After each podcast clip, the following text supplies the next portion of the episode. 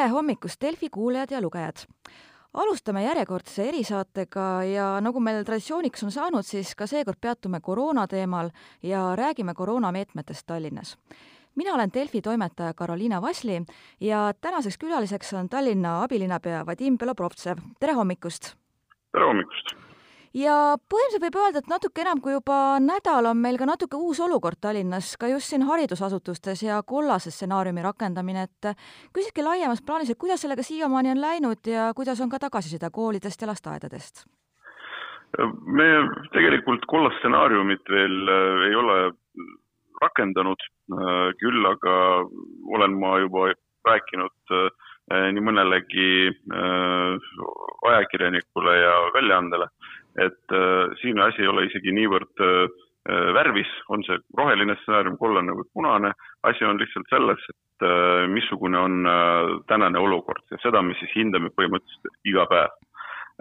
Ma ütleks niimoodi, et tänaseks on statistika näidanud kahjuks pigem sellist negatiivsemat arengut ja ma ütleks, et uute nakatunute arv kasvab. See kasvab üle Eesti, aga eriti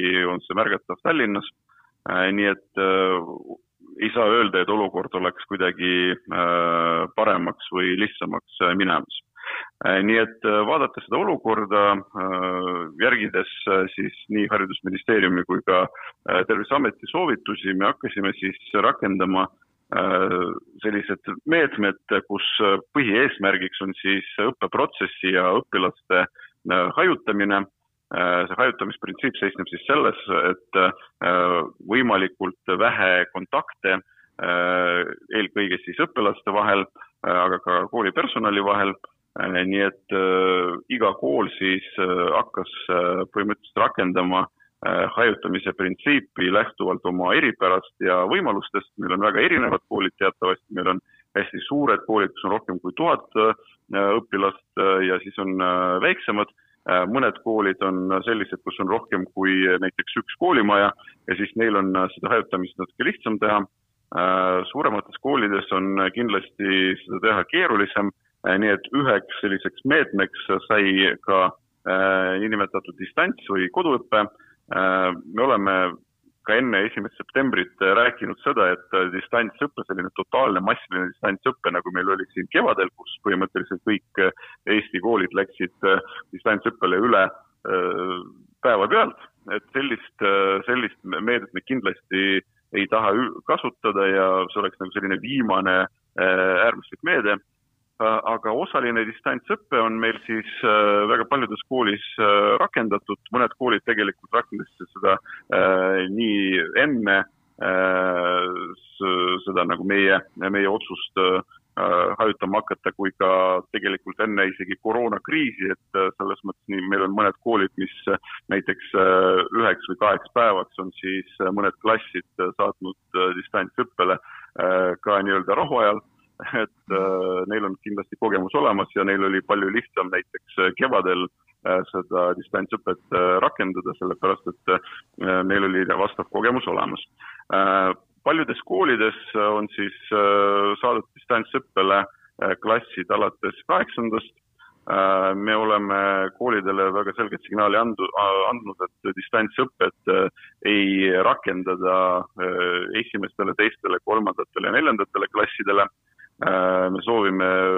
neile võimalikult kaua tagada ikka vahetu kontaktõpe, äh, aga äh, alates kaheksandast klassist on see, on see natuke lihtsam. me ütlesime kohe koolidele ka seda, et see osaline distantsõpe ühe klassi jaoks ei peaks olema pikem kui üks õppenädal, nagu viis päeva, siis pärast seda klass, mis on näiteks viis päeva olnud Äh, distantsõppel, äh, võiks äh, tulla tagasi kooli ja siis näiteks mõni teine klass, kes on siiamaani koolis olnud, siis võiks, võiks näiteks nagu distantsõppele minna. siinkohal me jätsime koolidele nagu vabamad käed, et kuidas siis seda õppeprotsessi niimoodi korraldada. mõned koolid, kus siis on selline võimalus olnud, siis said selle hajutamisega hakkama ilma distantsõppeta noh, nagu ma ütlesin, on, meil on mõned, mõned koolid, kus on näiteks rohkem kui üks äh, koolimaja ja neil on natuke lihtsam seda teha. ja tegelikult hajutamine ei pea ilmtingimata olema seotud distantsõppega, sest hajutamist võib korraldada ka niimoodi, et on erinevad vahetused, on erinevad siis koolipäeva algusajad, on erinevad vaheajad, Äh, näiteks seesama sööklavaheaeg, kus tavaliselt põhimõtteliselt kogu kool läheb siis sööma, siis on jällegi äh, niimoodi äh, organiseeritud, et mõned klassid siis lähevad ühel hetkel sööma, mõned teisel hetkel, et nad siis nagu kokku ei puutu. nii et neid meetmeid on, on terve jagu, aga distantsõpe on üks neist. samas, nagu ma ütlesin, et me siis üritame teha niimoodi, et kindlasti esimesed klassid Äh, noh, kuni viiendani äh, distantsõppele ei lähe. Äh, ja vanemad klassid siis vastavalt kooli eripärale ja võimalustele, aga kindlasti mitte pikem kui, kui üks nädal ja ma saan aru, et äh, nüüd on tulnud ka praktiseerida tõesti seda, et kui ütleme, klassis või lasteaiarühmas on äh, haige laps, et siis äh, distantsõppele kas või see klass, et kas viimane seis oligi, et oli sellist neli sellist klassi ja kolm lasteaiarühma või on see ka vahepeal kasvanud või pigem vähenenud, et on natuke karantiinist juba välja tuldud, et? praegu on niimoodi, et Tallinnas meie andmete järgi on siis neli kooli, neist kaks erakooli,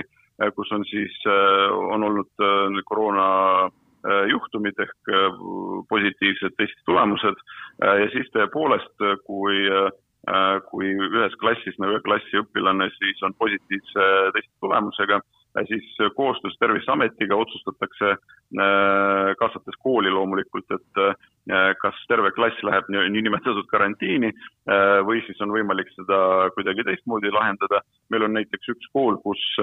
kus õpetajal on positiivne test, aga see õpetaja pole kokku puutunud ei laste ega oma kolleegidega,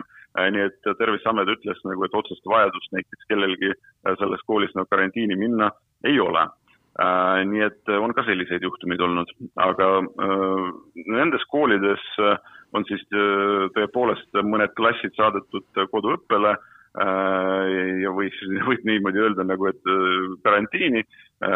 et siis vältida viiruse levi, levikut. ja meil on tõepoolest kolm lasteaeda, kus on, kust on tulnud ka selline info, üks neist on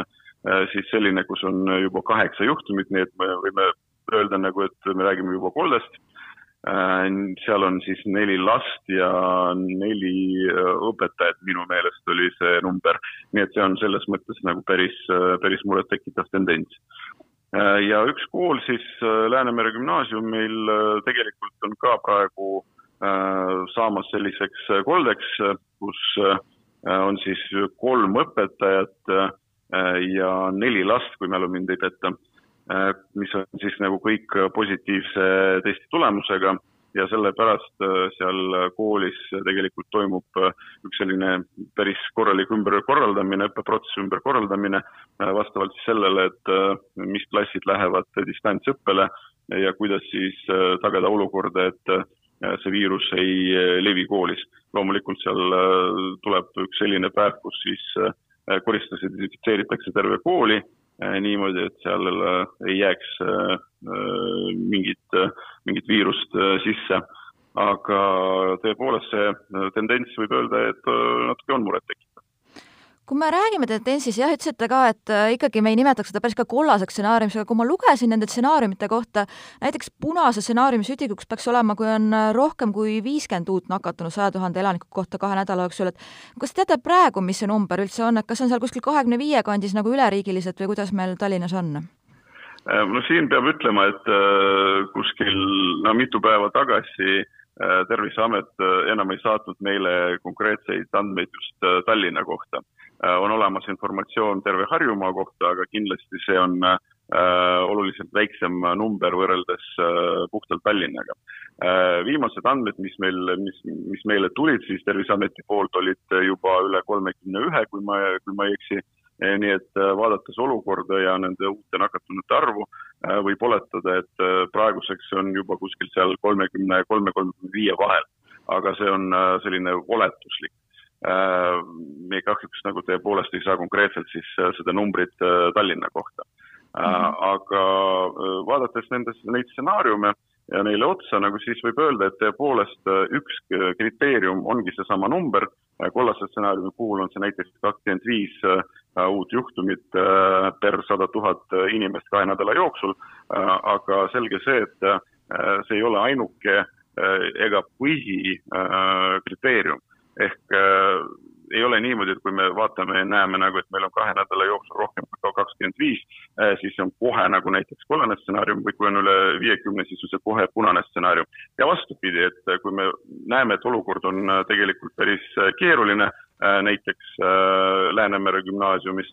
siis tegelikult Läänemere gümnaasiumis on juba kollane stsenaarium põhimõtteliselt kehtestatud. aga see on selles mõttes individuaalne lähenemine, et vaadates olukorda selles koolis teistmoodi ei saagi eriti minna kui see viirus hakkab seal levima veel rohkem, nagu siis selle kooli puhul äh, me hakkame ühel hetkel kehtestama ka punast stsenaariumit, aga see on nii-öelda lokaalne, äh, puudutab ainult äh, ühte kooli ja siin see üldine number üle riigi või, või linna siis ei, ei ole enam oluline aga konkreetse kooli puhul, kui seal kahjuks peaks kolle veel paisuma, et kas siis ajutiselt ilmselt läheks kogu kool distantsõppele, nagu oli punases stsenaariumis viidatud? Mm, oletada võib, sellepärast et praegu on kohe mitu klassi siis selles koolis läinud koduõppele. Kui me näeme, et see ei, näiteks ei aita ja on uusi nakatumisjuhtumeid, siis ühel hetkel kindlasti see võib viia selleni, et terve kool on siis koduõppel ja kindlasti on vähemalt üks päev, kui, kui mitte rohkem, kus, kus see niimoodi on, sellepärast et kooli on vaja desinfitseerida. Äh, ja see suur äh, selline puhastus äh, eeldabki seda, et koolis ei ole mitte kedagi. nii et mhm. praeguse hetkega ma saan aru, kool on planeerimas, et võib-olla üks kuni kolm päeva, siis ongi distantsõpe tervele koolile kui ka rääkida meetmetest, mida ka toodi välja, et kas, kas nüüd on siis kõikides koolides ka need termokaamerad olemas ja kas õpetajad, kann-, pedagoogid kannavad siis visiire või kuidas nende meetmetega jäi?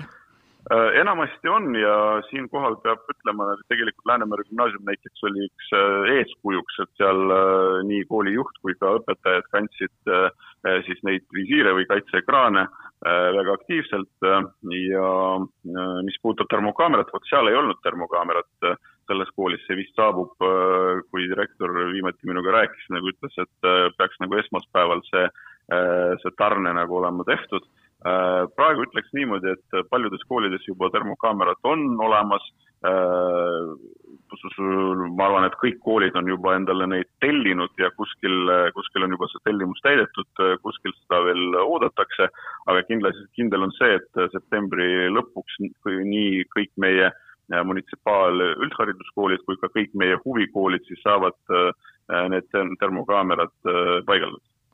kui rääkida ka meetmetest ja reaktsioonidest, eelmine nädal oli ka päris teravat kriitikat Tallinna linnavõimu suhtes, ka Irja Lutsar näiteks mõistis, kas see natuke üllatas, et äh, niimoodi kõrvalt kritiseeritakse, et äh, Tallinn selliseid meetmeid kasutusele võtab? no ma ütleks niimoodi, et äh, ega neid arvamusi on päris palju. Ja vaadates, mida räägib üks või teine spetsialist, üks või teine viroloog või siis üks või teine asutus, siis tihtipeale on need arvamused väga erinevad kui kuulata näiteks, mida rääkis äh, Tallinna meetmetest äh, Arkadi Popov, no keda me kõik pidasime kõige suuremaks autoriteediks siis kevadel näiteks, kevade kriisi ajal, siis tema arvamus oli pigem positiivne, et selles mõttes Tallinn ikkagi teeb õiget asja, samal ajal kui mõni, mõni teine viroloog siis ütles, et see on ülereageerimine, et võib-olla see on ebaproportsionaalne ja nii edasi. vaadates praegust olukorda, kuidas see viirus meil, meie koolides äh, või lasteaedades levib ja kus on rohkem kui kakssada äh, last siis juba äh, sunnitult saadetud koduõppele nende positiivsete testi tulemuste pärast, siis võib siin tsiteerida isegi Tallinna linnapead Mihhail Kõlvartit, kes ütles, et võib juhtuda, et me tegelikult jäime nende meetmetega hiljaks. mitte see ei olnud ülereageerimine või siis ebaproportsionaalne et äh, siin on ju väga lihtne, et äh, ühest küljest äh, võib öelda, et on alati lihtsam äh,, odavam ja mõistlikum ennetada tulekahju, kui seda pärast äh, kustutama hakata või siis tagajärgedega tegelema. ja teiseks on äh,, ausalt öeldes vahepeal on tekkinud selline tunne, et üritatakse siis äh, sõnumitoojat äh, tulistada, et äh, Tallinn siis on äh, nii halb ja miks, miks te seda kõike teete, aga tegelikult me ju rääkisime sellest, et vaadake, kuidas statistika praegu käitub ja kuidas need numbrid kasvavad üle riigi ja eriti üle pealinna. et äh, tegelikult äh, noh, me ju ei mõtle midagi välja, me lihtsalt vaatame numbritele otsa ja ütleme, et praegu on see hetk, kus oleks veel võimalik midagi ennetada. kui äh, hakkab juba nii-öelda põlema kuskil, et siis on, siis on ennetamiseks juba hilja kui rääkida ka laiemalt ennetamisest ja sügishooajast, et äh, oletan, et ilmselt suuremaid üritusi jääb siin veel ära, et see nädal jäi Valgusfestival ära, mis paljudele tegi kindlasti haiget, aga ma oletan, et põhjus on ka see, et sinna mindakse ühistranspordis, mis on siis täis, täis inimesi ja et seal võib neid teisi natuke ohukohti olla selliste suurte ürituste puhul ühistransport on ainult üks äh, selline äh, kriteerium, sest äh, ka ühistranspordis võib ju käituda vastutustundlikult, näiteks kanda maski ja kaitsta ennast ja teisi, hoida distantsi. aga probleem on lihtsalt selles, et kui, kui on suur üritus ja eriti väliüritus, milleks kindlasti valguskõnnib Kadriorus on, ma mäletan, et eelmisel aastal külastas seda festivali kakskümmend tuhat inimest et siis äh, kui äh, me kujutame ette, et selline, selline äh, rahvamass tuleb ka sellel aastal kokku, meil ei ole võimalik mitte kuidagi tagada seda ohutust ja tagada kõiki nende meetmete järgimist, nii et see oli nagu põhi, põhjus nagu, miks me otsustasime, et sellel aastal me seda festivali kahjuks läbi viia ei saa loodame, et järgmisel aastal läheb paremini ja siis tuleb selline hästi-hästi suur festival nii-öelda nagu, et äh, kahe aasta eest. aga põhimõtteliselt äh, jah, et probleem on selles, et me ei tea, kuidas inimesed jõuavad kohale, kas nad jõuavad ühistranspordis, kui ühistransport on buss või, või tramm näiteks on rahvast täis, siis seal ei olegi võimalik eriti seda distantsi hoida ja, ja siis tagada teisi neid meetmeid ja me ei tea, mida inimesed hakkavad seal kohapeal tegema, kas nad suudavad seda distantsi hoida, kas, kas nad käituvad vastutustundlikult, seda me ei tea. sellest vaatevinklist on näiteks mõned äh, siseüritused äh, tänasel päeval äh, võib-olla isegi turvalisemad ja ohutumad võrreldes väliüritustega, sellepärast et seal on võimalik seda hajutatust tagada ja järgida seda, mida siis inimesed teevad, et äh, distants oleks äh, siis järgitud, et, äh, et desinfitseerimisvahendid oleksid kõikjal olemas ja kasutuses. no ja nii edasi ja nii edasi, aga kui me räägime väliüritustest, kus inimesed lihtsalt vabalt tulevad ja lähevad, nagu siis seal ei ole mitte mingeid, mitte mingeid ohutusmeetmeid tagada. Et siis äh, linn, ütleme ka siin kätt ette hakka panema sellised suuremad siseüritused, ma vaatasin, et ka siin Tondirabas on Kirkorovi kontsert, mis kevadel jäi ära ikkagi tulemas ja et need asjad äh, linn seal ei sekku, et äh, siin me lihtsalt ei saa sekkuda seaduse järgi, me teame et see oli nagu ka kevadel nagu see teema, et tegelikult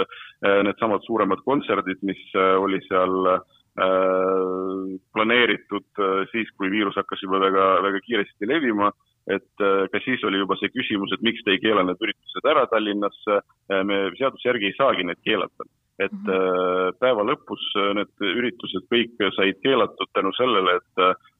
oli välja kuulutatud siis eriolukord Vabariigi Valitsuse poolt. me võime ainult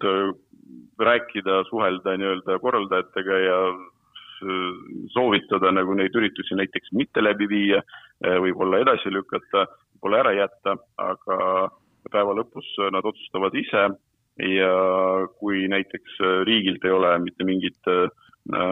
korraldust tulnud nagu, siis, äh, siis me ei saagi eriti midagi teha. Riigi poolt ministrite suust on kõlanud pigem see, et igal võimalikul juhul üritatakse eriolukorra kordumist vältida, et mis te arvate, kas seda peaks nii vältima või pigem nagu vaatama jooksvalt, et kuidas meil siin need näitajad kujunevad? No ma ütleks niimoodi, et siiamaani on äh, äh, kas, kas sügisel äh, valitsus käitunud vastutustundlikult, et me võime vaadata nagu, kuidas siis meil oli siin vahepeal ka Tartus üks selline päris, päris suur kolle, kuidas on asjad Ida-Virumaal olnud ja siis kehtestati selliseid erimeetmeid nii-öelda Äh, lokaalselt ehk vaadates olukorda ühes või teises kohas. Ähm, ma arvan, et äh, ka Tallinna puhul äh, võiks valitsuselt tulla nagu mingisugune kas või, kas või arvamus või siis mingisugused soovitused, praeguse hetkega paistab, et Vabariigi Valitsus on vist nõus sellega, mida teeb siis Tallinna linnavalitsus ja ei, ei näe põhjust hakata siis midagi soovitama ja kuidagimoodi sekkuma. samas me oleme alati avatud igasugusteks ettepanekuteks ja meil on kindlasti vaja seda tuge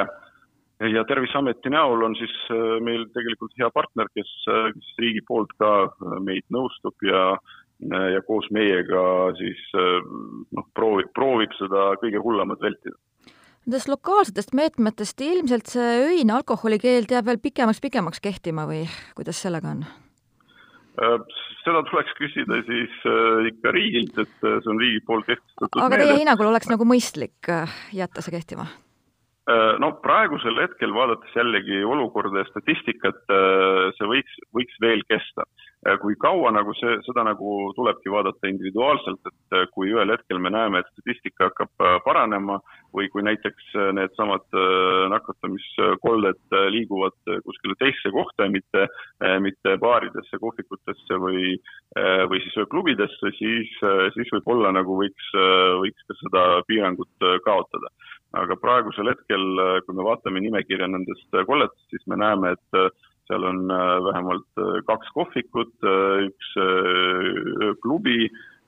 nii et selles mõttes see olukord ei ole vahepeal nagu väga, väga paremaks läinud. nii et siinkohal see piirang võiks veel jääda, aga noh, seda, seda tulebki vaadata niimoodi jooksvalt ja äh, iga päev tuleb jälgida lihtsalt, kuidas see, kuidas see statistika muutub ma veel lõpetuseks positiivse noodina küsiks, et äh, võrreldes kevadega, et äh, mida ka te seal linna juhtimist tegelikult õppisite, et äh, praegu on palju kergem nii-öelda sellele viiruse hooajale vastu minna? no nii ja naa, et selles mõttes ühest küljest äh, ütleks niimoodi, me, me oleme kindlasti paremas seisus võrreldes kevadisega, sellepärast et meil on olemas väga hea kogemus et see kevadine kriis nagu andis meile seda kogemust kindlasti kätte ja nüüd nagu me saame tegelikult äh, äh, tegutseda siis selle kogemuse, kogemusele toetudes ja see tähendabki seda, et noh, me kõik mäletame, et kui oli esimene koroonajuhtum siis ühes meie koolis, siis pärast seda pandi esiteks terve kool kinni ja Äh,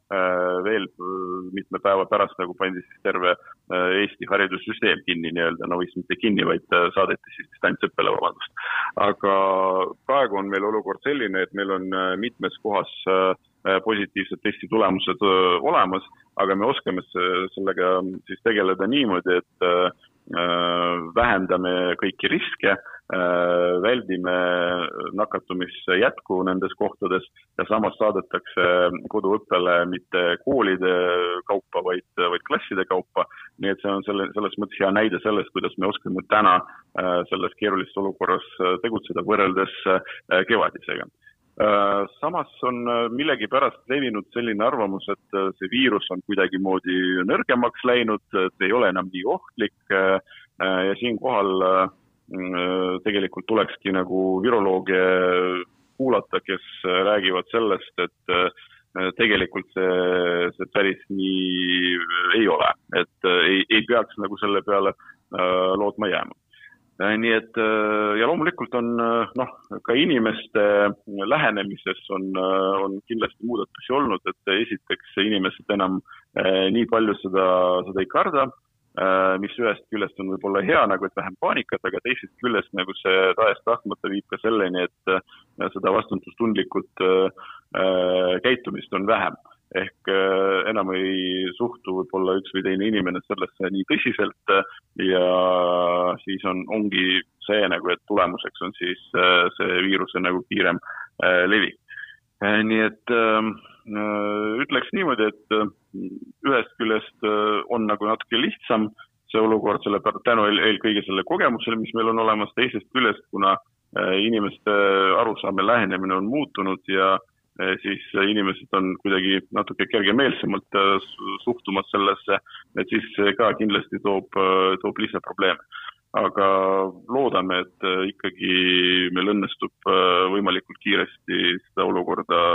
paremuse poole pöörata. jääme lootma ja suur aitäh, et leidsite natuke aega tausta rääkida ja